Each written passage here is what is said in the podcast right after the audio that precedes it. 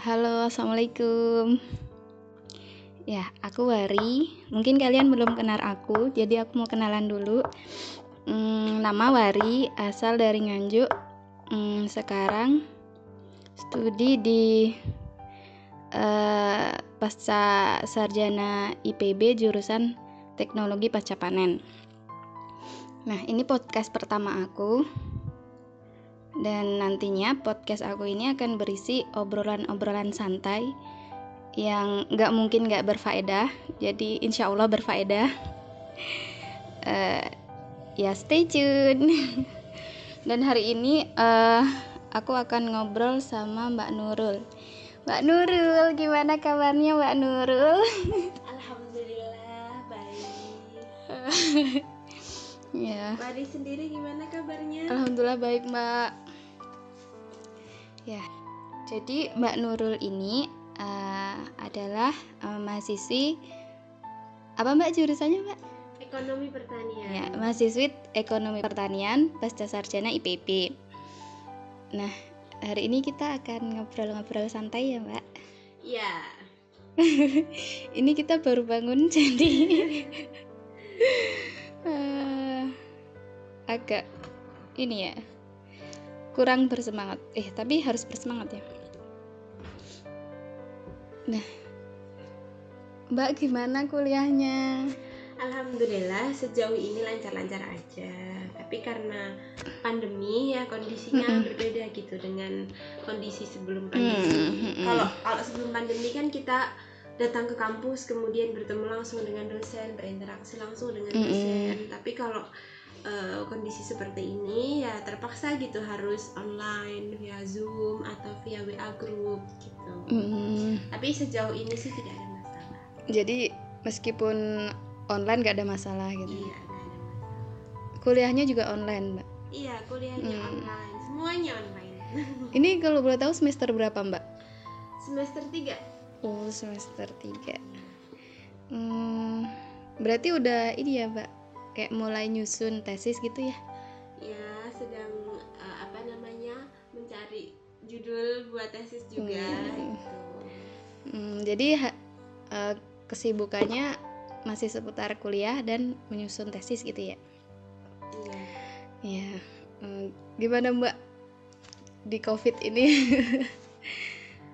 Eh, kalau saya perhatikan ya memang covid ini kan eh, sebuah fenomena yang luar biasa sih Mm-mm. mungkin kita juga baru pertama kali ya Mm-mm. menghadapi seperti ini Iya, iya, benar. seumur kita hidup Mm-mm. sekarang ya yang Mm-mm. ya inilah usia-usia kita kuliah gitu kan Mm-mm. Eh, kalau mungkin dulu pernah ada tapi itu zaman dulu banget ya ketika flu Hmm. Spanyol itu menyerang gitu Hmm, udah lama banget udah gitu. lama banget itu ya Hmm.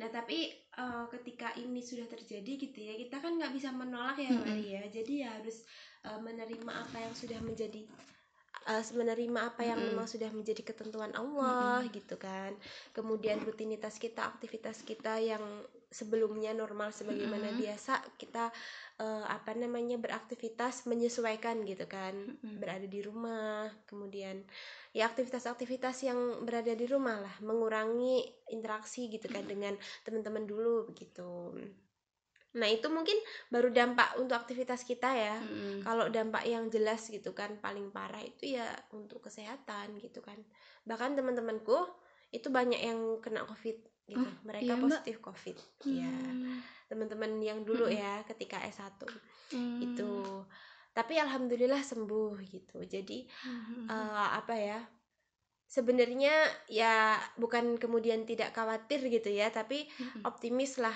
gitu kan mungkin bagi teman-teman ya yang eh, terindikasi gitu kan positif Mm-mm. covid itu kan optimis aja pas insya Allah sembuh Insya Allah itu. Hmm.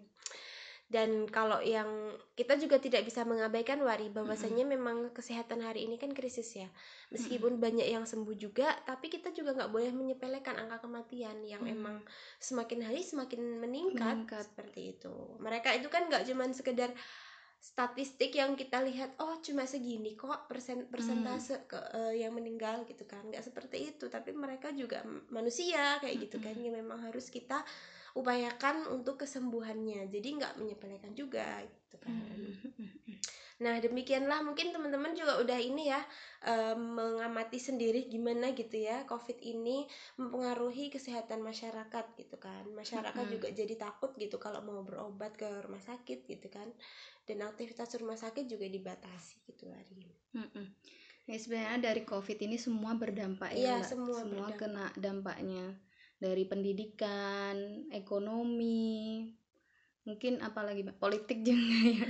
Iya, iya semuanya, gitu ya. Semuanya berdampak ya. Semuanya berdampak ya. Kalau tadi kesehatan, kemudian pendidikan juga mungkin Mm-mm. teman-teman yang punya adiknya masih SD Iya, atau masih punya SD. anak gitu ya yang masih SD ngerasakan banget gitu kan. Mereka kan Mm-mm. nggak bisa diperlakukan sebagaimana orang yang di pendidikan tinggi yang mereka udah mandiri gitu kan. Mm-mm. Kalau anak-anak itu kan memang harus Masih benar-benar dibimbing, Bimbing, mm, diarahkan, diajarinnya juga apa namanya yang harus telaten Mm-mm. seperti itu Wari. Kalau online atau via video Zoom gitu kan.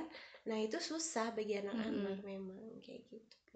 Nah, Mm-mm. itu baru di sektor kesehatan. Nah, kemudian sektor yang mungkin selama ini banyak dikhawatirkan ya oleh para pejabat ya, oleh para eh, pemimpin di negeri ini itu adalah sektor ekonomi. Mm-mm. Nah ini juga eh, nggak kalah ya dari sektor lain ya Maria. Bahkan mungkin eh, karena Mm-mm. dampak di sektor ekonomi inilah gitu kan. Kemudian penyelesaian di COVID juga menggunakan leading sektornya itu adalah Mm-mm. ekonomi gitu ya. Kita Ekonomi. tahu mungkin teman-teman juga udah membaca ya berita terkait dengan perekonomian Indonesia yang pertumbuhannya itu minus. Jadi Mm. sudah memasuki eh, resesi Wari Mm, iya Mbak. minus ti- 5, koma, eh, 73 apa ya Hmm, iya sih mbak. Minus. Sebenarnya sering kayak dengar soal resesi, resesi gitu. Tapi sebenarnya nggak nggak tahu gitu. sebenarnya resesi itu apa?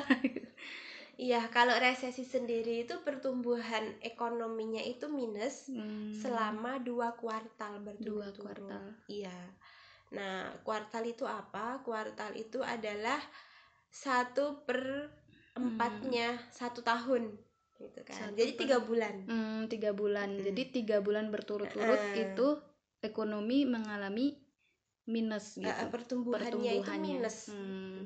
Pertumbuhan ekonomi mengalami minus. Mm-mm. Hmm.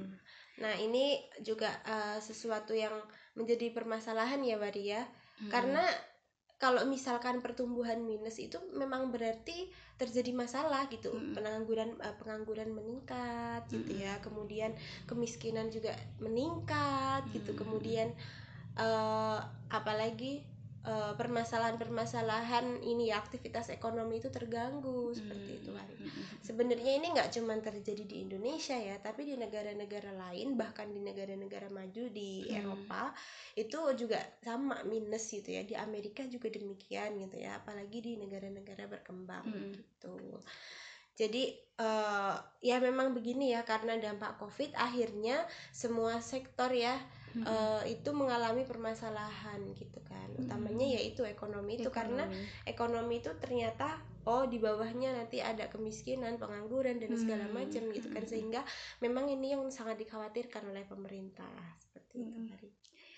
Luar biasa ya seakan tuh ekonomi tuh membicarakan kayak semua sektor gitu ya Iya, karena emang bisa dikatakan itu eh apa ya suprastruktur suprastruktur ekonomi itu Mari. Maksudnya apa? Membawahi sektor-sektor lain kayak Hmm. gitu. Jadi ketika sektor ekonomi ini berdampak eh, terjadi sebuah permasalahan gitu ya, maka sektor-sektor lain tuh akan terkena gitu. Termasuk sektor pertanian wari gitu Hmm, kan iya. akhirnya iya berdampak sektor pertanian itu mulai dari kalau kita ngomongin ekonomi ya Mm-mm. itu kan tidak terlepas dari eh, supply dan demand, Demand, Mm. mm-mm.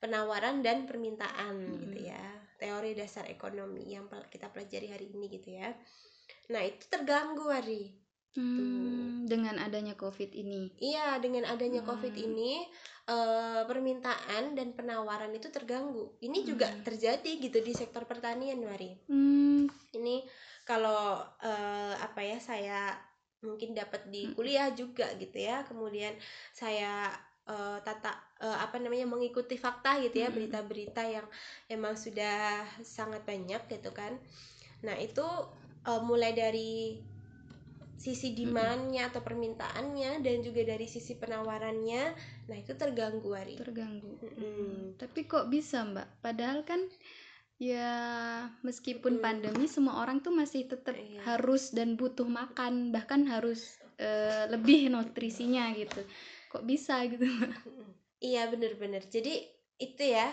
eh, tadi kan saya bilang kalau eh, sekarang ini kan ketika pandemi yang orang harusnya dapat pendapatan Mm-mm. penghasilan setiap bulannya, tapi karena harus stay di rumah, jadi Hmm. nggak nggak kerja kan? Mm-mm. Nah itu nggak dapat penghasilan gitu, atau kalau dapat itu berkurang gitu. Berkurang Mm. Mm, benar-benar. Kita juga tahu kan pabrik-pabrik itu tutup. Akhirnya kan mereka mem-PHK banyak Mm-mm. karyawannya atau kalau merumahkan di sementara mm, gitu dirumahkan ya sementara dirumahkan sementara gajinya Mm. juga mungkin nggak sebagaimana gaji ketika dia bekerja Mm. gitu nah akhirnya pendapatan masyarakat itu kan menurun Hmm.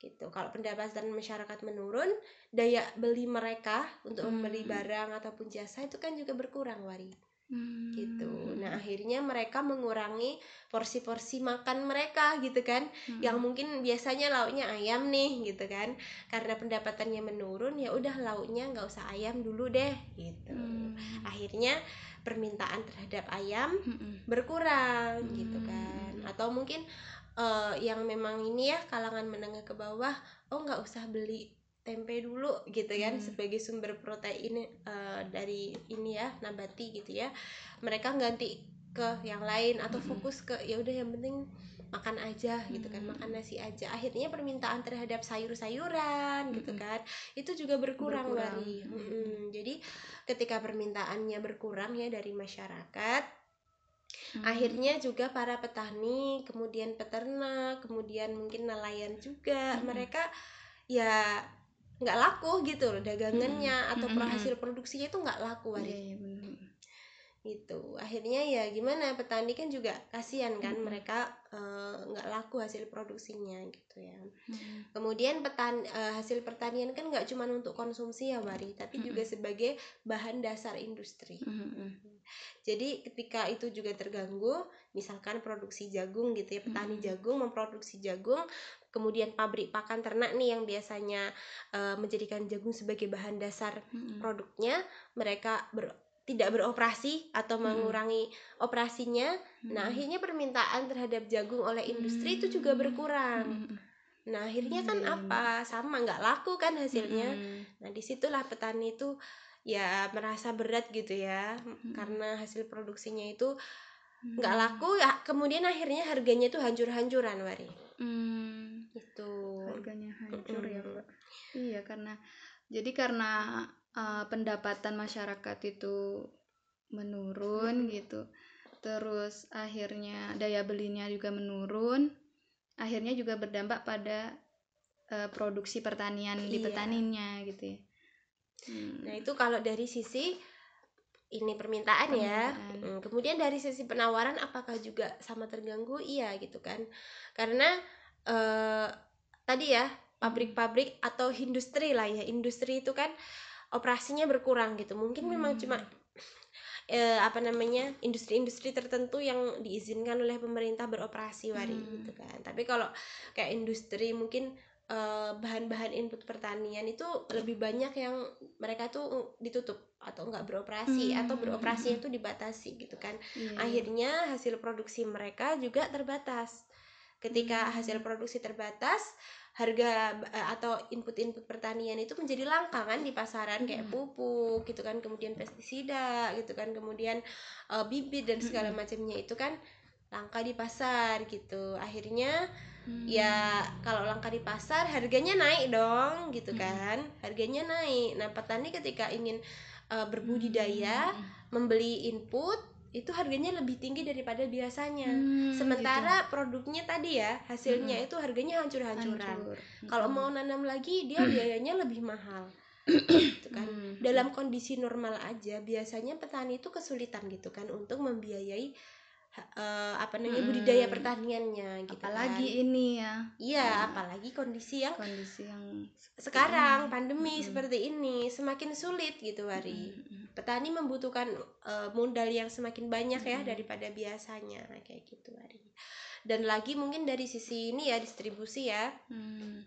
karena permasalahan covid ini ya sedikit banyaknya terpengaruh gitu kan kalau misalkan produksi itu banyak di Jawa gitu kan Mm-mm. biasanya harus didistribusikan keluar Jawa ke Mm-mm. entah ke Kalimantan entah ke Sulawesi entah ke Papua gitu kan nah karena covid akhirnya terganggu gitu akhirnya ya mereka-mereka yang mungkin butuh beras gitu ya yang nggak nggak dapat sebagaimana biasanya gitu kan karena Mm-mm. distribusinya terganggu Hmm. kemudian petani beras yang uh, harusnya terserap ya terserap oleh pasar gitu kan untuk nanti bisa didistribusikan ke tempat Mm-mm. lain yang membutuhkan akhirnya kan nggak terwujud kan nah akhirnya menumpuk ya mbak di iya akhirnya menumpuk gitu Mari Hmm.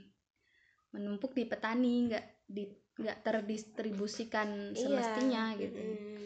Hmm. Ya, luar jadi- biasa nih mbak aduh aku semakin excited iya jadi banyak emang sekali informasi yang luar biasa ya.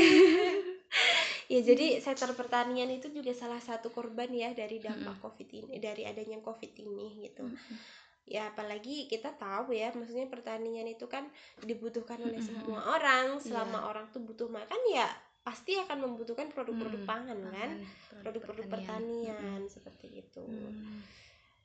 Mm-mm. Iya mbak, Duh luar biasa. Tapi ini mbak, kemarin aku tuh baca ya sebenarnya eh bahwasanya PDB sektor pertanian ini malah naik gitu di tengah pandemi. Hmm. Emang iya mbak? Iya tadi ya eh, bahan-bahan atau barang-barang pertanian itu kan kalau dalam ekonomi itu istilahnya tuh elastisitasnya tuh rendah Wari Hmm, Maksudnya gimana? elastisitas rendah. Iya, ketika pendapatan masyarakat naik, ya masyarakat akan beli bahan eh, apa namanya? akan beli pangannya juga nggak kemudian naik kan, sesuai Hmm. dengan porsinya aja Hmm. gitu. Ketika Hmm. pendapatan masyarakat menurun, ya nggak kemudian masyarakat nggak beli bahan-bahan pertanian Pangan, sama hmm. sekali, bahan-bahan Hmm. pangan sama sekali gitu kan, pasti Hmm. akan tetap beli. Maksudnya itu seperti itu. Hmm. Jadi barang-barang pangan yang berasal dari produk pertanian itu eh, apa ya tidak tergantung eh, naik turunnya ya naik turunnya itu tidak tergantung dari pendapatan masyarakat Hmm. gitu. Jadi dia itu ya itu ya bisa dikatakan Mm-mm. elastisitasnya rendah gitu. Beda Mm-mm. dengan barang-barang mungkin kayak handphone. Ketika orang itu pendapatannya tinggi, wah belinya handphone-handphone yang mahal Mm-mm. gitu kan kalau pendapatannya nurun eh, belinya handphone-handphone yang biasa aja atau mungkin nggak Mm-mm. beli sama sekali gitu nah, Hmm. beda dengan bahan-bahan pangan atau pertanian artinya apa ya sesulit apa pun masyarakat pasti akan tetap makan Mm-mm. pasti akan tetap beli barang-barang tadi produk-produk pertanian gitu Mm-mm. kan maka ya pasti akan tetap naik gitu kan Mm-mm. cuman kenaikannya itu kan nggak seperti ketika kondisinya itu normal gitu Hmm. Mm-mm. jadi eh, ya lambat gitu kan dan kalau dibandingkan dengan sektor lain yang notabene sekarang itu bisa dikatakan tadi ya Mm-mm. berhenti gitu ya kalau industri kan ya berhenti gitu kan kemudian sektor-sektor lain juga sangat dibatasi ya Mm-mm. maka akan sangat kelihatan sekali Hmm. gitu kan untuk PDB sektor pertanian ini meningkat kalau Hmm. kondisi normal tetap meningkat gitu ya akan tetapi kalah gitu dibanding dengan sektor lain Iya, gitu. dibanding sektor lain misalkan industri, jasa Mm-mm. gitu kan. Itu sangat kalah gitu. Mm-mm. Mereka naik dan itu cepet ya Mm-mm. banyak gitu kan. Mm-mm. Sementara kalau sektor pertanian tuh ya gitu-gitu aja gitu. Hmm.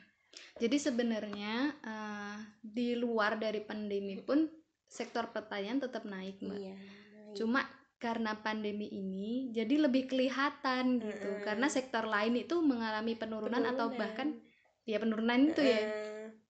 Hmm, gitu gitu. Mm. Hmm. Nah, sebenarnya dari sini bisa kita lihat sih bahwasanya sektor pertanian ini kan apa ya? Sektor yang bisa diandalkan dalam kondisi yang krisis. Hmm, gitu. mm-mm. Jadi ketika kalau yang lain semuanya tuh terpaksa harus berhenti, sektor pertanian nggak bisa berhenti, Wari. Mm-mm.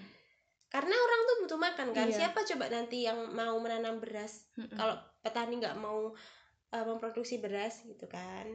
Nah, Mm-mm. ya, jadi di sini kita bisa melihat bahwasannya sektor pertanian ini bisa menjadi penyelamat perekonomian di dalam Hmm. kondisi krisis. Gitu kan. Mm-mm. Seharusnya pemerintah ya dengan ini eh, melihat potensi ini gitu ya, kemudian mengoptimalkan gitu. Mm-mm. Mengoptimalkan peran-peran pertanian, peran-peran petani ya di dalam eh, tulang punggung ya perekonomian negara gitu kan. Selama ini kan petani itu kurang mendapat perhatian, Wari. Mm-mm. Jadi memang eh, subsidi input itu dicabut gitu ya. Kemudian eh apa namanya pembiayaan, akses terhadap pembiayaan itu juga ya selama ini inilah nggak eh, bisa dikatakan tidak mudah seperti itu. Nah kemudian ya tadi kurangnya insentif-insentif lain gitu kan yang pemerintah berikan untuk sektor pertanian maka nggak heran selama ini banyak barang-barang pangan itu yang lebih banyak diimpor dibanding Mm. produksi dalam negeri. Beras aja gitu ya yang kita sebagai negara agraris peproduksi beras itu masih harus impor. Mm-mm. gitu kan. Gula ke- mungkin Wari pernah baca ya kemarin pas awal-awal corona itu kan gula tuh sempat hilang di pasaran Mm. kenapa kok hilang Mm-mm. karena ternyata gula ini hasil dari impor Wari mayoritasnya itu impor Hmm, Karena nggak impor itu jadi hilang gitu. Iya, dari mana impornya? Dari Cina. Kita Hmm. tahu kalau Cina itu adalah negara asal Covid itu. Mm-mm. Maka ketika mereka yang lain itu belum terkena COVID, mereka sudah ter- terkena COVID, mereka udah membatasi perdagangan internasionalnya, sudah membatasi ekspor impornya. Mm-mm. Ya pasti mereka akan memprioritaskan untuk kebutuhan dalam Hmm. negeri kan dibanding diekspor gitu kan. Akhirnya Hmm. gula hilang di pasar. Kemudian apalagi bawang putih. Bawang putih bawang bahkan putih. sebelum pandemi itu kan Menteri Pertanian ketika memberi kuliah ya di IPB Mm-mm. saya masih eh, ingat banget eh, itu sudah cadangannya tuh tipis. Bisa Mm. dikatakan sebentar lagi tuh bawang putih tuh hilang di pasar. Dan itu benar terjadi, hilang kan beberapa waktu lalu. Harga Mm-mm. melambung tinggi dan nggak ada gitu loh di pasaran. Hmm. Kenapa kok bisa eh, terjadi demikian? Karena bawang putih itu impor selama ini, Wari. Mm-mm. Dan impornya Kebanyakan dari, mana? Cina iya, ya. bener dari Cina. Mm. Ketika Cina dalam kondisi krisis seperti itu, mereka akan membatasi ekspor mereka, Mm. gitu kan.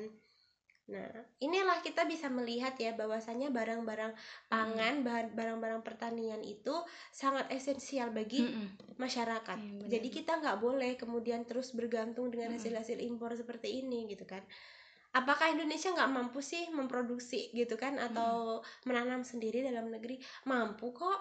Kita sarjana pertaniannya tuh Banyak. banyak. IPB setiap tahun menghasilkan Mm-mm. banyak sarjana-sarjana pertanian.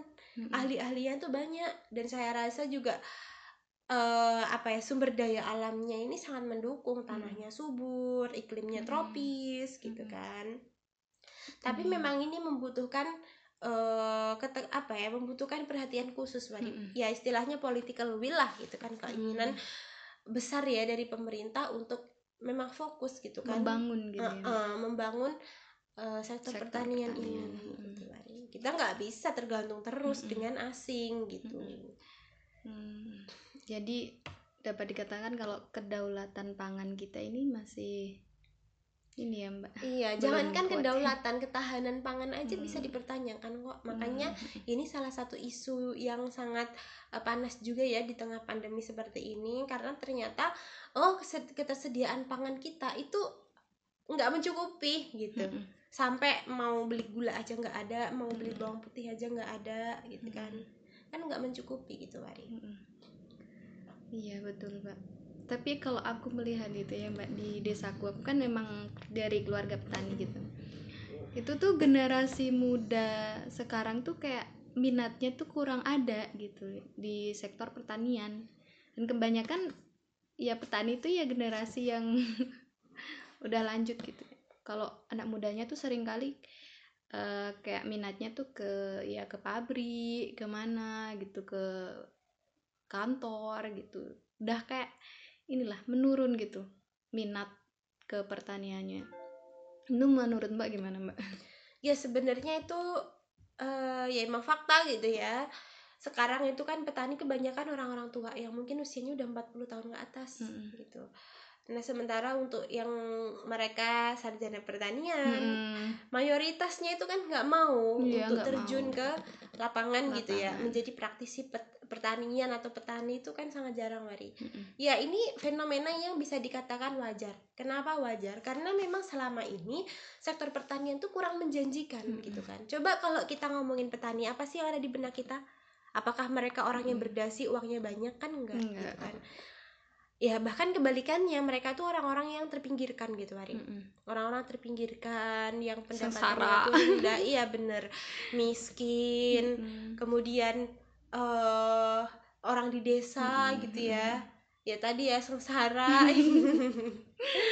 Iya. jadi ya wajar gitu ya ketika generasi muda itu kurang melirik ya di eh, sektor pertanian ini gitu kan. Karena Mm-mm. memang selama ini ya demikian adanya Mm-mm. gitu Wari kurang menjanjikan Kurang gitu menjanjikan kan. Eh, mungkin ya ini sebenarnya apa ya eh, sebuah persepsi yang salah sih Mm-mm. gitu kan kenapa demikian karena tadi ya pertanian ini akan dibutuhkan orang sampai kapan pun sampai Mm-mm. kiamat gitu ya selama orang tuh butuh makan ya Mm-mm. butuh gitu kan pertanian Pertanian. gitu maka eh, apa dong yang dibutuhkan itu sebenarnya inovasi-inovasi di dalam pertanian gitu kan nah mungkin dari eh, pandemi ini ya dari Mm-mm. adanya covid ini kita belajar ya bahwasanya eh, kita itu kan sangat butuh sektor pertanian mari kita Mm-mm. butuh butuh pangan gitu kan maka ya gimana caranya biar eh, dalam kondisi eh, apa ya kondisi krisis gitu kan maupun Mm-mm. dalam berbagai kendala-kendala pertanian itu bisa menghasilkan uh,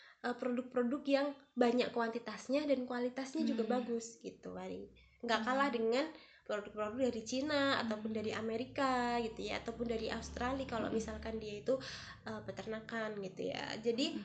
bisa gitu Mm-mm. itu sangat menjanjikan cuman memang butuh inovasi-inovasi yang tadi gitu ya nggak nggak- bukan pertanian konvensional sebagaimana sekarang ya gitu ya tapi pertanian-pertanian yang memang penuh dengan inovasi Mm-mm. gitu Mari kita kan tahu ya salah satu kendalanya itu kan lahan Iya. lahan subur itu kan mungkin bisa dikatakan di Jawa ya mayoritasnya gitu ya kalau kalau di pulau lain itu kan mereka lahan gambut bisa diolah cuma membutuhkan tadi ya effort dan juga Mm-mm. teknologi yang Yang lebih, gitu lebih. kan biayanya biaya juga. juga yang lebih gitu nah ya mungkin selama ini ya di Jawa gitu Mm-mm. kan tapi lahannya sempit kalah Mm-mm. dengan eh, pertumbuhan penduduk yang mereka butuh rumah atau Mm-mm. industri gitu ya yang terfokus di Jawa maka harus ada sebuah gebrakan-gebrakan baru gitu Wari misalkan gimana sih tanaman eh, apa kita bisa nanam tapi dengan lahan sempit produksinya meningkat eh, produksinya tinggi gitu kan atau ya gimana caranya dengan kendala-kendala seperti Mm-mm. ini tetap bisa menghasilkan tanaman yang banyak bisa menghasilkan produk-produk pertanian yang banyak maksudnya. Dan juga tadi kualitasnya tuh nggak kalah gitu kan dengan produk-produk dari luar gitu. Itu Nah, kalau kita bicara soal pertanian ini kayak luas banget gitu mbak. Hmm, gimana ya? Aku tuh kayak soal teknologi aja gitu ya. Ini kayak sangat sulit gitu dimasukkan di dalam sektor pertanian belum lagi yang lain-lain gitu kayak eh, harga yang nggak menentu gitu pas Mm-mm. panen yang eh, pas masa-masa panen gitu harga turun dan lain Mm-mm. sebagainya mungkin kita juga perlu agendakan mbak pembahasan khusus pertanian gitu. Ya boleh boleh. Ini sangat menarik ya. Kalau kita eh, melihat realitas seperti itu kita jadi berpikir bahwasanya di sinilah negara itu harus hadir Wari. Hmm, ketika ya kondisi-kondisi seperti ini gitu kan melihat permasalahan ini itu ya harusnya negara ya yang maksudnya bisa mengendalikan Mm-mm. itu kalau kalau kita mau membangun pertanian ya nggak mungkin lah se- seorang petani gitu ya mm-mm. atau sekelompok petani itu Mm-mm. mampu memajukan pertanian Indonesia gitu kan Mm-mm. itu kan sangat impossible gitu Mm-mm. Nah, dengan adanya dengan pemerintah ini, mereka yang memiliki kewenangan membuat regulasi gitu ya. Mereka yang punya alat, punya perangkat, punya semuanya ya, modal-modal Mm-mm, yang memang bisa modal yang- digunakan untuk membangun ya itu harusnya gitu kan. Yang ya itu tugasnya pemerintah memang nggak bisa perseorangan gitu ya. Mm-mm. Mungkin kita sebagai insan-insan yang memang peduli dengan pertanian gitu ya, baik uh, aku, saya yang Mm-mm. ada di uh, posisi ekonomi ya ekonomi pembangunan Mm-mm. kemudian Wari yang di teknologinya yaitu memberikan sumbangan yang nggak akan menyelesaikan permasalahan semuanya gitu jadi ya cuma sekedar seorang individu itu bisa lakukan gitu Mm-mm. Wari Mm-mm. jadi ya harus ada ini sih eh, apa namanya ya pembaharuan yang sistematis Weh. sistematis revolusioner gitu ya. Itu Wari itu ya. Dan itu butuh ya didukung iya. dan harus gitu ya. Di apa ya dipioneri oleh iya. pemerintah gitu. Kita harus membangun pertanian dalam negeri dan nggak boleh tergantung dengan impor Wari. Mm-mm. karena ya impor itu bisa berbahaya ya bagi kedaulatan sebuah negara ya kalau kita sampai tergantung dengan asing. Ya ini buktinya ketika pandemi seperti ini kan setiap negara itu mereka akan memproteksi eh, kebijakan perdagangannya, membatasi ekspor gitu kan, mengurangi impor karena takut misalkan terkena ya Mm-mm. dari eh, penyakit nanti dari luar dan tuh Mm-mm. masuk gitu kan. Jadi ya di sini kita merasakan bahwasannya independensi gitu ya kedaulatan eh, pangan sebuah negara itu sangat diperlukan Iya. gitu. Mm-mm, bener pak luar biasa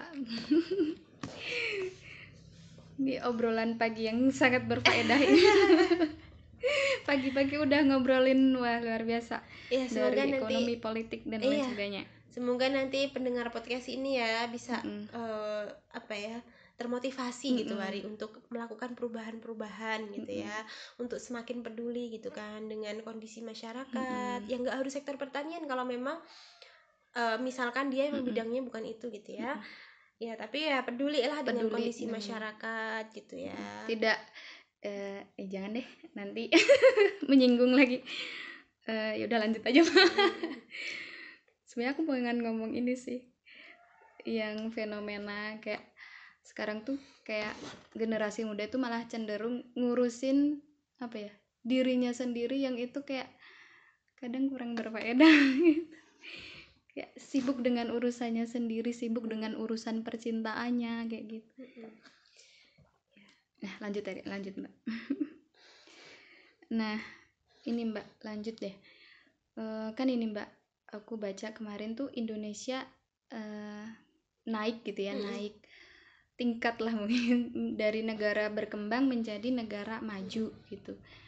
Nah, ini mungkin nggak sih Mbak dalam kondisi COVID ini status dari negara maju tersebut turun lagi menjadi negara berkembang? Ya sangat mungkin sih maksudnya eh begitu teman-teman yang baca berita ya tentang Mm-mm. itu ya saya juga baca gitu kan memang Indonesia itu kan ditetapkan menjadi negara maju oleh Amerika ya bukan oleh oleh Bank Dunia maupun IMF Mm-mm. bukan tapi oleh Amerika gitu Hmm. sebenarnya nggak cuma Indonesia wari tapi ada negara-negara lain Mm-mm. yang juga sama gitu kan ditetapkan menjadi negara maju kalau di Afrika itu Hmm. ada Afrika Selatan dan Zimbabwe Oh, jadi dan Nigeria Hmm, jadi negara maju yang didapat oleh status itu itu dari Amerika gitu. iya Hmm, bukan dari eh, ini ya organisasi ekonomi atau keuangan Hmm. dunia tapi emang dari Amerika gitu kan jadi nanti ya ketika terjadi sebuah kebijakan baru gitu ya maksudnya perlakuan khusus terhadap negara maju ya itu dari Amerika kayak gitu Hmm. Kalau sebenarnya yang berwenang gitu siapa Mbak? Yang berwenang kayak menetapkan suatu negara itu adalah negara maju atau negara berkembang atau negara miskin gitu. Ada nggak sih negara miskin gitu? Mbak? ada ya itu semua tergantung kriterianya Hmm. Wari. mungkin kan setiap organisasi mereka punya kriteria sendiri ya Hmm, hmm, hmm. misalkan seperti pendapatannya dari pendapatan gitu kan Mm-mm. Eh, yang sekian pendapatannya per kapita itu berapa ya eh ya sekitar sepuluh ribu gitulah per hari Hmm. gitu ya di bawah itu di bawah berapa dolar gitu ya dolar sih hitungannya memang karena itu bank dunia Mm-mm. itu kurang dari berapa dolar gitu oh berarti itu adalah negara miskin gitu Hmm. kan kemudian di atas ini dan di antara di di atas ini dan di bawah ini itu adalah negara berkembang, Berkembang. kemudian di atas sekian dolar itu Mm-mm. negara maju gitu Hmm.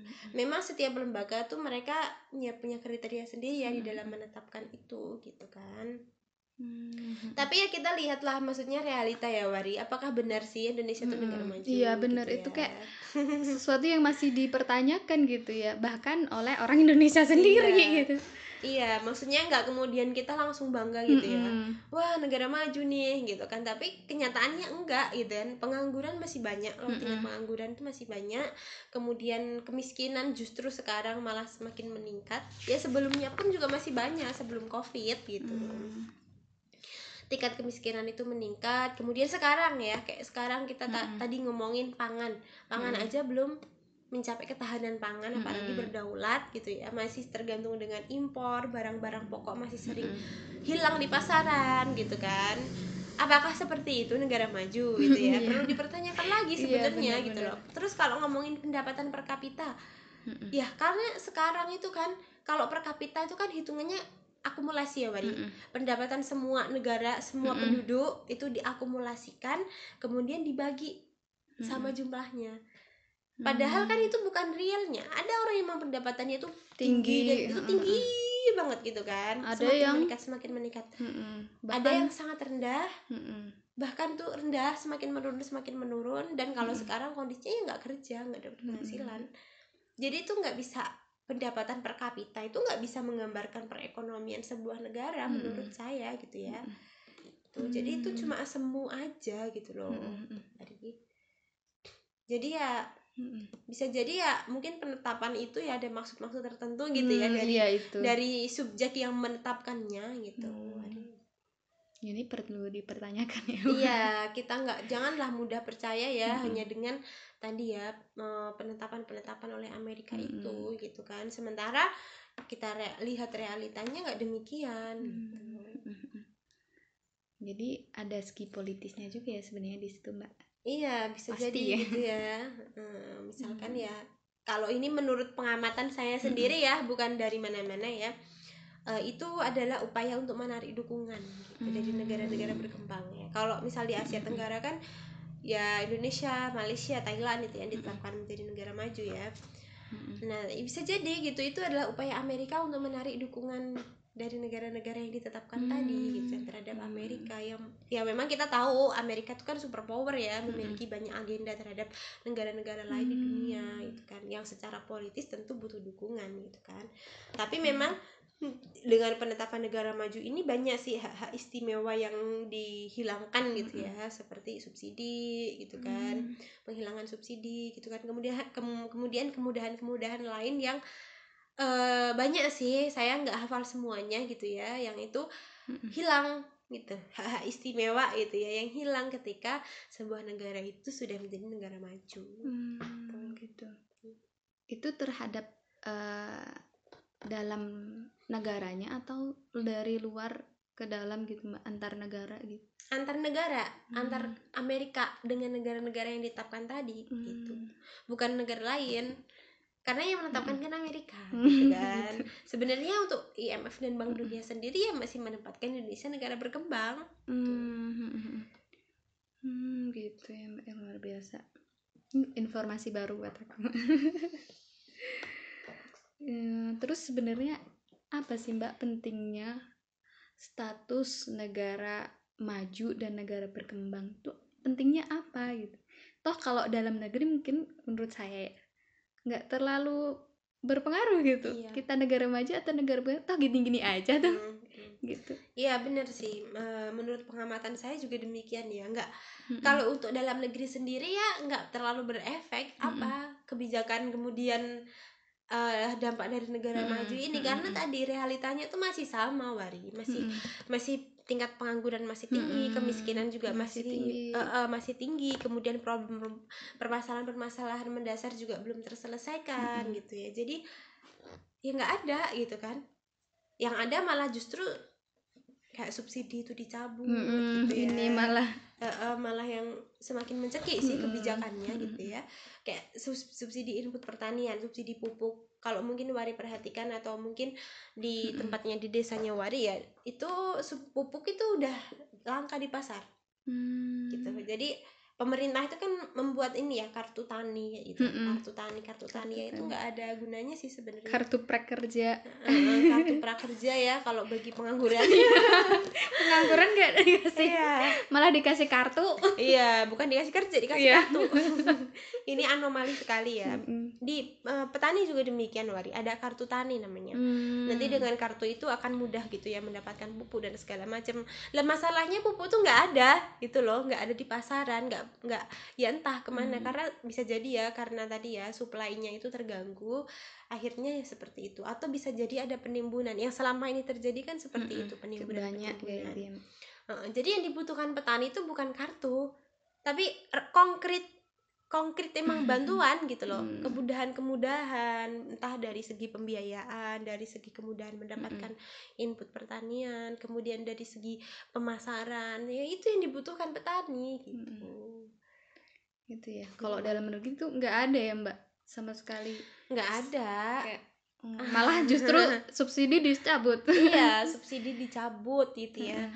Kemudian sebenarnya ya Wari kalau di Amerika yang notabene mereka tuh negara liberal ya, negara maju dan liberal, gembongnya liberal, gembongnya kapital gitu ya, kapitalisme maksudnya. Itu pertanian tuh diproteksi. Hmm. Mereka itu diberi insentif, diberi kemudahan gitu ya. Kemudian mereka juga apa ya? Ya dijamin lah maksudnya perda- eh, pertaniannya kayak gitu kan Mm. sama pemerintahannya. Maka nggak heran Amerika itu maju pertaniannya Mm. juga mudah memasarkan ke negara lainnya Mm-mm, karena mereka itu dilindungi. Mm-mm. Tapi Amerika sendiri selalu menggaungkan untuk meliberalkan gitu ya Mm-mm. eh, perdagangannya termasuk di pertaniannya ke negara-negara lain gitu. Mm-mm. Karena negara itu murni berdaulat harus pertaniannya harus berdaulat dulu gitu kan mbak Iya. Hmm. Jadi masalah pangan ini masalah pokok kan.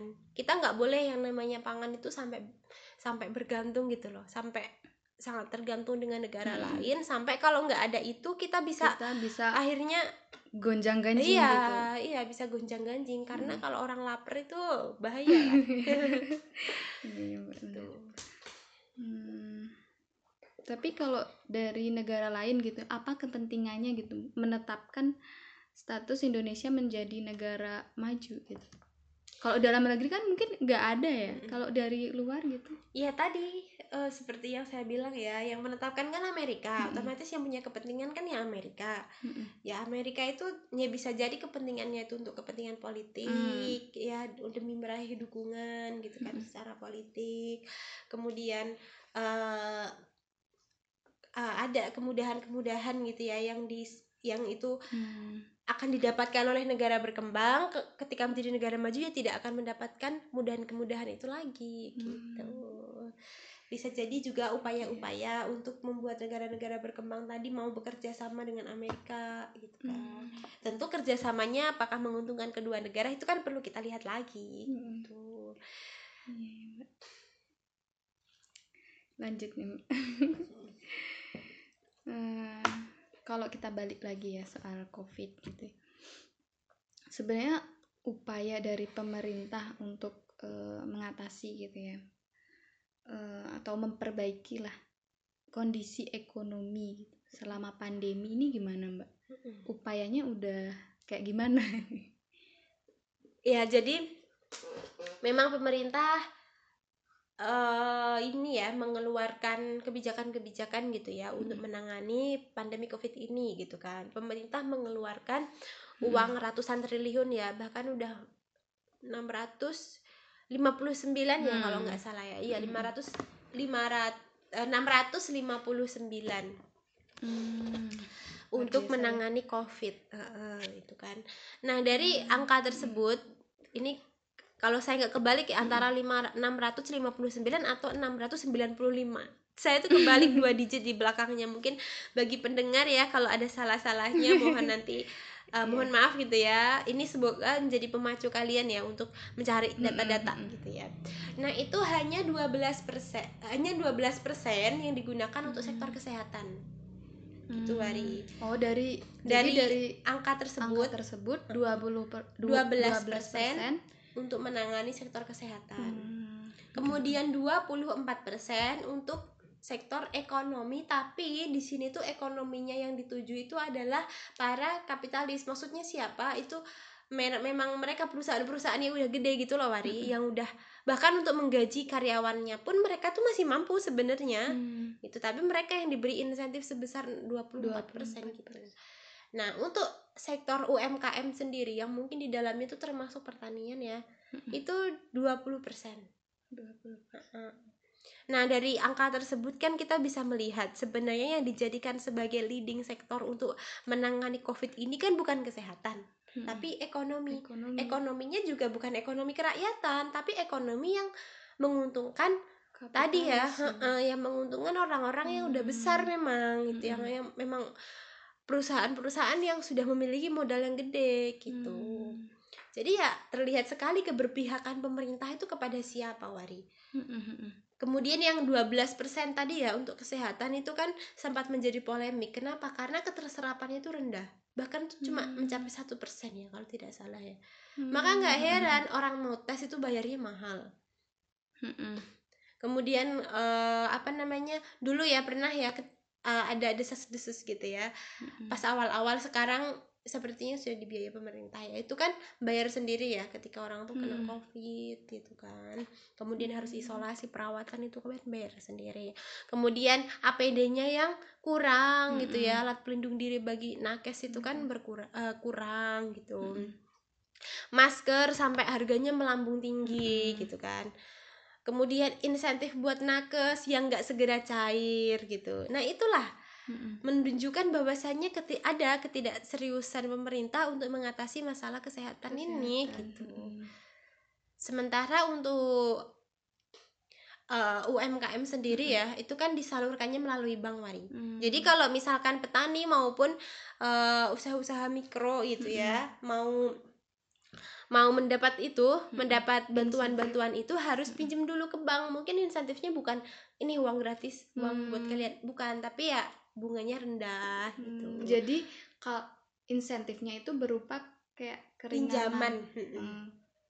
Jadi pinjaman. harus pinjam dulu barulah insentif itu dapat gitu ya. Nah, insentif itu berupa kayak bunga. pinjaman iya bunga yang rendah atau Hmm. jangka waktu pengembaliannya yang, Yang- lama Hmm, gitu hmm. jadi ya seperti itu gitu kan Mm-mm. sementara kan nggak banyak ya maksudnya dari UMKM itu yang notabene mereka tuh bisa dikatakan tuh nano ya karena kecil banget Mm-mm. kecil banget mereka itu pinjam di bank belum tentu Mm-mm. bisa jadi mereka ya karena eh, apa ya ketidaktahuan karena ada insentif ini atau nggak berani pinjam di bank atau nggak punya agunan nah akhirnya mereka kan nggak pinjam di bank gitu Hmm. mereka mencari pembiayaan lain sumber pembiayaan lain nah kayak gitu Mm.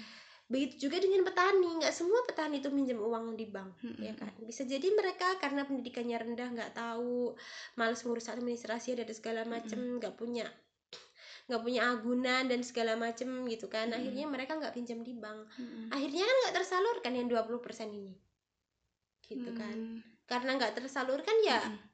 bank akan menggunakan itu untuk anak perusahaannya sendiri gitu Wari untuk Hmm. membiayai anak perusahaannya sendiri gitu Hmm, itu tuh gimana mbak maksudnya anak perusahaannya sendiri ya kan bank tuh nggak cuman sekedar eh, usaha untuk mem- apa namanya simpan pinjam, Pinjam. uang kan Mm-mm. tapi uang tersebut uang yang kita tabungkan di bank gitu ya ya masyarakat Hmm. tabungan di bank itu kan digunakan untuk biasanya investasi berupa peminjaman-peminjaman kepada pengusaha-pengusaha Pengusaha, gitu mm. kan. Nah, bank tuh juga punya nih anak usaha yang emang Hmm. bergerak gitu ya di sektor real gitu. Maksudnya ya Hmm, emang ada usaha gitu kan. Mm-mm. Nah, dipinjamkanlah ke anak usahanya itu. Hmm.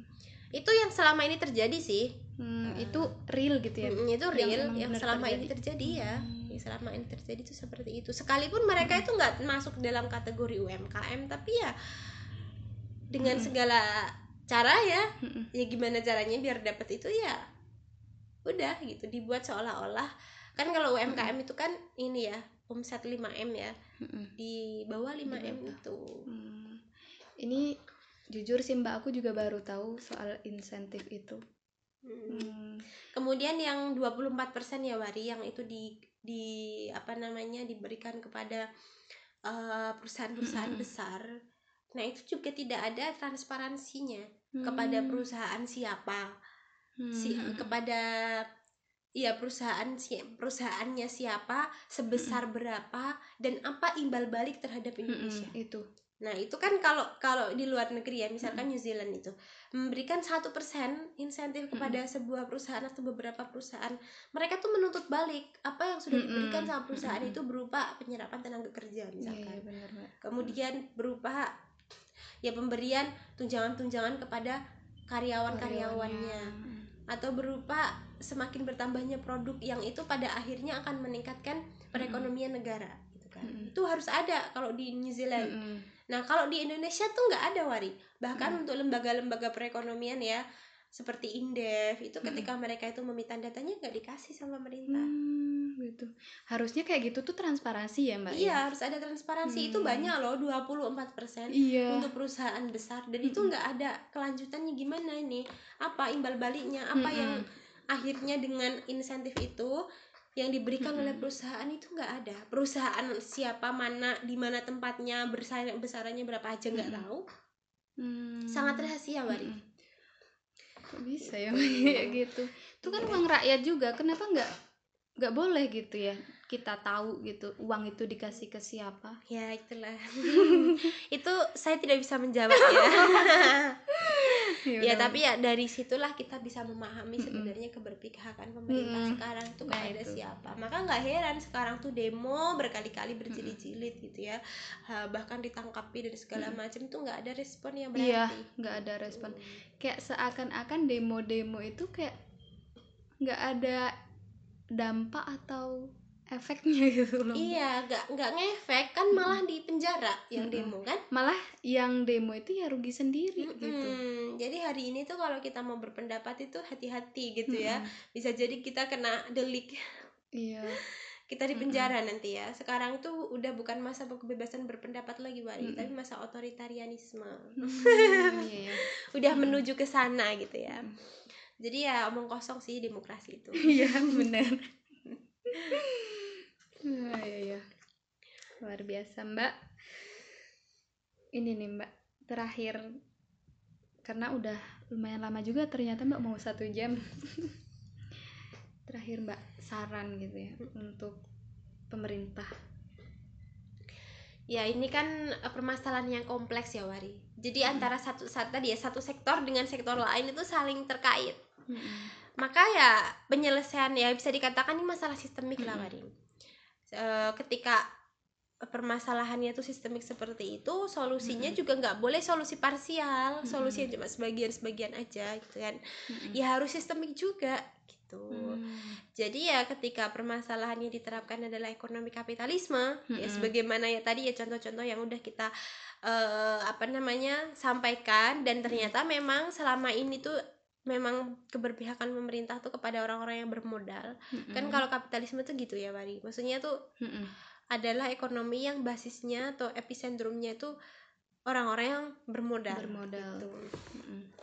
nah maka kita harus mengubah itu Hmm. itu mengubahnya juga harus secara sistemik kita harus menemukan solusi yang mampu menandingi sistem kapitalisme ini Wari Hmm. gitu apa mbak sistem ya? apa, nah mungkin ini kalau kita itu kembali kepada sejarah ya Mm-mm. kan kita juga penting ya belajar sejarah itu Mm-mm. untuk apa ya untuk mengetahui eh ini untuk mengambil pelajaran dari Mm-mm. masa lalu gitu ya masa lalu tuh udah pernah wari sampai berabad sampai tahan krisis gitu ya perekonomian yang tahan krisis yang mampu mensejahterakan Mm-mm. gitu kan dan itu sangat dekat dengan diri kita ya sebagai seorang muslim yaitu Hmm. apa Islam sistem Islam. ekonomi Islam Hmm. Iya, yang mampu gitu ya, yang tahan terhadap krisis gitu kan, yang mampu mensejahterakan masyarakat. Mm-mm. Mensejahterakannya itu nggak cuma ukuran akumulasi tadi ya per kapita gitu kan, tapi Mm-mm. emang benar-benar memastikan orang per orang dia Hmm. itu sejahtera gitu. Hmm. Jadi harus menerapkan sistem ekonomi Islam itu wari. Hmm, dan ini Gitu. sudah terbukti dan teruji gitu ya mbak Iya, secara historis udah banyak ya hmm, ininya ya, maksudnya uh, Mm. bukti-bukti sejarah, dan secara empiris, secara penerapan juga sudah terbukti gitu, Wari. Hmm. Jadi sistem ekonomi Islam itu yang insya Allah akan mampu itu ya untuk menyelesaikan kondisi di negeri ini ya sebenarnya nggak cuma di negeri ini di dunia di dunia di dunia Hmm. Gitu Wari karena sistem ekonomi Islam itu kan mereka apa ya tidak tidak berbasis riba ya Mm-mm. kalau sekarang ini kan yang menjadi yang membuat orang itu mau menabungkan uang di bank Mm-mm. dan pada akhirnya nanti uang itu akan diinvest- diinvestasikan itu kan Mm-mm. riba riba bunga itu ya. Mm-mm. maka ada namanya tuh kebijakan eh ini moneter kalau dalam Hmm. kapitalisme itu yaitu apa naik turunnya bunga nah dalam Hmm. ekonomi Islam tuh nggak ada seperti itu Wari Mm-mm. jadi kalau Allah itu kan sudah mengharamkan riba ya Mm. jadi ya namanya riba bunga kemudian interest rate apa pun itulah Mm-mm. itu haram nggak boleh kayak gitu kan Mm-mm. kemudian dalam sistem ekonomi Islam itu kan juga memakai uang eh ini uangnya tuh Hmm, uang emas dan perak Hmm. yang secara nilai intrinsik tuh punya gitu Mm-mm. Jadi ya sekalipun emas itu nggak ada angkanya berapa gitu ya Mm-mm. ya tetap akan bernilai Iya, gitu loh karena emas ada itu kan barang langka gitu maka anti inflasi ya Hmm. Tuh, jadi terkendali ya bukan Mm-mm. bukan kemudian nggak ini sama sekali tapi ya nggak akan inflasi sebagaimana sekarang ya bahkan sampai hiperinflasi gitu Iya, kan. Sekarang- sekali gitu. ya. Mm-mm. sekarang rupiah itu kan ibaratnya ya rupiah itu kan cuma uang kertas yang nggak Mm-mm. punya nilai intrinsik ya dia kalau nggak ada angkanya nggak akan Mm-mm. bernilai gitu ya akhirnya dia itu harus apa ya kalah dengan mata uang lain gitu kalau Mm-mm. eh, ketika disandingkan gitu kan misalkan dolar Mm-mm. gitu rupiah rupiah terhadap dolar itu kan selalu naik turun naik turun Mm-mm. naik turun sekarang kan trennya naik ya naik terdepre selalu terdepresiasi gitu Mm-mm. ya jadi itu akan mempengaruhi harga harga nanti terutama harga impor Hmm. sekarang kan pangan itu kebanyakan impor kan impor akhirnya harga-harga itu tergantung dengan Mata atau uang dipengaruhi ya. oleh naik turunnya Hmm. rupiah Mm-mm. gitu Hmm. buat harga naik ketika rupiah tuh terdepresiasi ya naik ya secara angka terhadap dolar ya udah harga mahal harga-harga impor tuh mahal gitu. Kemudian ya ya itu rupiah dalam Islam juga nggak boleh ya sembarangan memiliki barang-barang eh, ini ya kalau Mm-mm. dalam kapitalisme kan ya siapa pun yang punya uang ya dia terserah mau beli Mm-mm. apa pun Mau gitu beli kan. apa pun mau memiliki apa pun Mm-mm, terserah gitu. mau memiliki apa pun memiliki barang tambang yang besar Mm-mm. juga boleh. Memiliki pulau boleh. Memiliki lautan boleh. Memiliki negara bahkan boleh. Ya kan selama ini kayak gitu. Undang-undang tuh kan banyak pesanan-pesanan Mm-mm. dari korporat-korporat kan. dalam Islam nggak boleh dalam Islam sudah diatur wari mana yang menjadi kepemilikan umum kepemilikan Hmm, masyarakat hmm. ya maksudnya. Mana yang boleh ya mana yang menjadi kepemilikan negara Mm-mm. dan mana yang boleh dimiliki oleh individu. Hmm, tuh gitu ya mbak. Mm-mm. jadi kalau tambang gitu ya kemudian laut eh, itu nggak boleh dimiliki. Hutan nggak boleh. Hmm, kalau itu ada hadisnya wari. Mm-mm. jadi Rasulullah tuh pernah bersabda al muslimuna syuraka'u fisalasi Mm-mm. wal kalai wal ma'i wan nari Hmm. Artinya apa? Orang muslim itu berserikat. Berserikat itu hak untuk memiliki bersama atas tiga hal. Apa itu? Al-kalai. Al-kala itu padang rumput. Padang rumput Hmm. itu maksudnya ya apa? Yaitu sumber daya biologis. Kayak hutan gitu ya, Wari. Hmm. Kemudian padang rumput. Ya yang Mm-mm. memang hidup lah, makhluk hidup gitu ya. Nggak boleh itu dikuasai oleh individu. Hmm. Haram hukumnya gitu. Yaitu dikuasai oleh masyarakat, Masyarakat. semuanya gitu ya kemudian barang tambang api api itu maksudnya barang tambang Mm-mm. ya yang menghasilkan energi, ya energi baik batu bara kemudian minyak bumi gas alam ataupun barang tambang lain seperti emas perak timah dan lain-lainnya itu nah itu adalah miliknya masyarakat. Mm-mm. gitu. Kemudian eh, almai alma itu lautan ya. Laut tuh nggak boleh diprivatisasi. Oh aku punya duit banyak aku mau beli pantai. Aku mau beli lautan sekian se- luasnya. Akhirnya nelayan-nelayan yang mau melaut nggak boleh gitu. Nah itu itu juga haram. Itu milik umum gitu Wari. Mm-mm. nah milik umum ini harus dikelola oleh negara. Nggak mungkin juga dikelola oleh masyarakat sendiri Hmm. gitu ya. dikelola oleh negara yang kemudian hasilnya itu dikembalikan kepada ada masyarakat. masyarakat. Indonesia ini kan kaya Wari. Mm-mm. lautnya itu luas garis pantainya itu paling panjang kedua. Kemudian hasil barang tambangnya coba banyak banget kan. Ada emas di Papua kemudian ada timah di Belitung Bangka Belitung kemudian batu bara di Kalimantan. Banyak banget. Kalau seandainya itu dikuas dikelola oleh negara dan dikembalikan kepada masyarakat wah itu sudah cukup untuk mensejahterakan masyarakat sebenarnya. Tapi emangnya pemerintah ini nggak mampu pak mbak mengelola itu? Kenapa harus diserahkan kemudian ke investor gitu ya? Diserahkan ke pengembang gitu? mampu sebenarnya mampu cuman ya itu gitu kan eh memang kan perekonomian yang diterapkan itu kan bukan perekonomian Islam Wari. Mm-mm. ekonomi kapitalisme Mm-mm, kapitalis tadi kan kapitalis kapitalis itu ya kalau dia punya duit ya dia terserah mau ngapain Mm-mm. termasuk bayar pejabat buat Mm-mm. meloloskan proyek-proyeknya ya akhirnya Mm. seperti itu kan mereka membuat undang-undang mereka membiayai undang-undang tentang eh, pengelolaan asing kemudian penanaman modal asing dan segala macam. Akhirnya mereka bisa menguasai tambang negara. Negara tambang yang besar di negara lain bahkan kan itu Freeport tuh punya Amerika Gitu Wari. ya itulah kak ekonomi kapitalisme makanya nggak mungkin itu nanti dikuasai negara dikembalikan kepada masyarakat karena itu Mm-mm. bukan prinsipnya Bukan prinsipnya. ya. Mm-mm. Jadi sebenarnya ekonomi kita ini sekarang adalah ekonomi kapitalisme yang liberal Hmm. gitu Tapi kan kita sering gitu ya Mbak. Kayak mendengar ekonomi apa gitu, ekonomi kerakyatan, ekonomi Pancasilais apa ya? Ada kan? Iya ada itu emang kayak ide-ide yang dicetuskan oleh para akademisi yang peduli gitu ya dengan Mm. nasibnya masyarakat ya terutama masyarakat bawah tapi ya pada kenyataannya kalah kan gak terwujud kan gitu kan harusnya kalau Indonesia ini benar-benar menerapkan ekonomi kerakyatan harusnya kooperasi Mm-mm. kayak gitu mereka tuh yang hidup yang lebih gitu Hidup. ya daripada bank-bank konvensional Mm. kemudian petani sejahtera gitu ya kemudian eh, ya memang basisnya tuh rakyat lah untuk rakyat lah tapi Mm-mm. kenyataannya kan enggak waring Hmm. jadi ya ya itu cuma ide aja gitu loh tapi nggak ada realisasinya Hmm. gitu Hmm. Wari. nah apalagi untuk ini ya Mm-mm. kalau di dalam ekonomi Islam itu kan eh, kita nggak boleh ya melakukan kerjasama kerjasama yang itu akan merugikan negara Mm-mm. gitu jadi ya kalau seandainya melakukan ekspor impor dan kenyataannya itu malah justru membuat negara itu bergantung dengan negara lain atau perjanjian-perjanjian yang dia itu malah merugikan negara Mm-mm. lain ya itu kan nggak boleh. Hmm. gitu. Makanya ya kita harus mandiri wali dalam Islam itu kan harus mandiri ya. Mm-mm. gitu.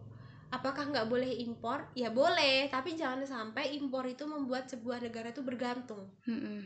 Bergantung malah Hmm, jadi nggak boleh gitu ya jadi Hmm. harus tetap mandiri maka Indonesia yang kaya raya ini yang tanahnya subur gitu Hmm. kan itu sangat mampu untuk bisa swasembada pangan Hmm. gitu Wari Mm-mm. jadi ya tinggal bagaimana mau atau enggak gitu Gitu ya Mbak. Jadi sebenarnya masalah ekonomi kita ini bersumber pada basisnya gitu ya. Atau iya bener iya salah emang apa yang Mm-mm. dianut Mm-mm. yaitu ekonomi kapitalis gitu ya. Ekonomi kapitalisme. Dan kalau diminta solusinya gitu ya. ya Harus kita solusinya kembali ke ekonomi Islam. Islam. Eh, kalau ini Mbak, tadi kan udah dipaparkan ya eh, keunggulan ekonomi Islam apa atau ekonomi syariat gitu ya Mm-mm. dibanding dengan ekonomi kapitalisme gitu. ya. Eh, satu poin aja Mbak yang menjadikan ekonomi syariat ini, ekonomi Islam ini unggul gitu. Unggul dan kuat dibanding ekonomi kapitalisme. Satu poin yang paling penting gitu Mbak. satu poin yang paling penting apa ya ya kalau ekonomi kapitalis itu kan dibuat oleh manusia Wari Mm-mm. Yang namanya aturan manusia ya itu lemah kan Wari sebagaimana sifat da- ya di sifat dasar manusia gitu Mm. loh jadi yang namanya aturan bersumber dari manusia itu menurut sat itu nggak nggak nggak apa ya nggak baik secara universal. Hmm. ya kita contoh kecil aja lah diri kita sendiri ya. Kita membuat sebuah keputusan ya atau sesuatu aku suka kok aku suka yang kayak gini menurutku ini baik tapi menurut orang lain belum tentu baik Wari Mm-mm. Karena kita nggak tahu hakikat orang lain tuh seperti apa gitu. Kita nggak bisa memaksakan gitu ya. Nah begitu juga sistem ekonomi kapitalisme itu. Itu kan dibuat oleh manusia. Akhirnya kan apa? Ya lemah. Terjadi banyak banyak bolong-bolongnya di mana-mana yang mereka itu ya lemah gitu loh. Gitu. jadi dia yang nggak mampu mensejahterakan manusia. Ya cuma mensejahterakan kalangan-kalangan tertentu aja. Yang kaya semakin kaya yang miskin semakin miskin gitu Ari. Mm-mm. Sementara sistem Islam itu bukan manusia loh Ari yang membuat. Siapa yang membuat? Ya yang membuat manusia. Hmm. siapa? Allah subhanahu wa taala gitu kan. Mm-mm. Allah itu kan yang menciptakan manusia. Sehingga ketika Allah membuat aturan ya pasti Allah tuh paling tahu mana yang terbaik untuk Mm-mm. manusia. Ya kita harusnya sebagai ciptaan Allah nggak ragu kan dengan itu ya? Yakin dengan itu Yakin. gitu loh. Nah maka ya kita nunggu apa lagi sih mau nunggu negara ini hancur dengan kapitalisme Mm-mm. dengan sistem buatan manusia kan enggak gitu loh kita ya ayo gitu loh kembali kepada Islam ayo Mm. kembali kepada aturan yang maha kuasa Mm. karena aturan yang dibuat yang dibuat oleh Allah itu sudah pasti nggak usah ragu udah dijamin itu paling baik Mm-mm. gitu dan Oh, udah iya. teruji oleh waktu iya sudah teruji oleh waktu dan itu paling unggul Hmm. Duh, luar biasa Mbak, terima kasih ya. Diskusi hari ini ngobrol yang sangat berfaedah gitu ya di pagi hari. Makasih Mbak Nurul. Ya sama-sama. Senang berbagi ya. Semoga nanti mm. yang mendengarkan podcast ini bisa s- eh, apa ya terbuka wawasannya Iya, kemudian amin. tercerahkan ya. Mau Amin, belajar Ma. Islam sih tentunya Amin Mm, Semoga ya. Ya eh, Karena udah panjang banget ya ternyata Mbak. Udah satu jam loh kita ngobrol. Nggak kerasa ya? Iya nggak kerasa banget loh. Udah satu jam ternyata. Ya udah eh, kita tutup aja obrolan hari ini. Semoga apa yang disampaikan Mbak Nurul tadi bermanfaat dan membuka wawasan kita semua. Eh, dan juga terutama saya sendiri sih. Tadi eh, luar biasa kayak ter terpukau gitu ya. Eh, banyak sekali informasi yang saya dapat juga informasi baru yang saya dapat juga hari ini. Terima kasih Mbak Nurul. Saya tutup. Assalamualaikum warahmatullahi wabarakatuh. Waalaikumsalam warahmatullahi wabarakatuh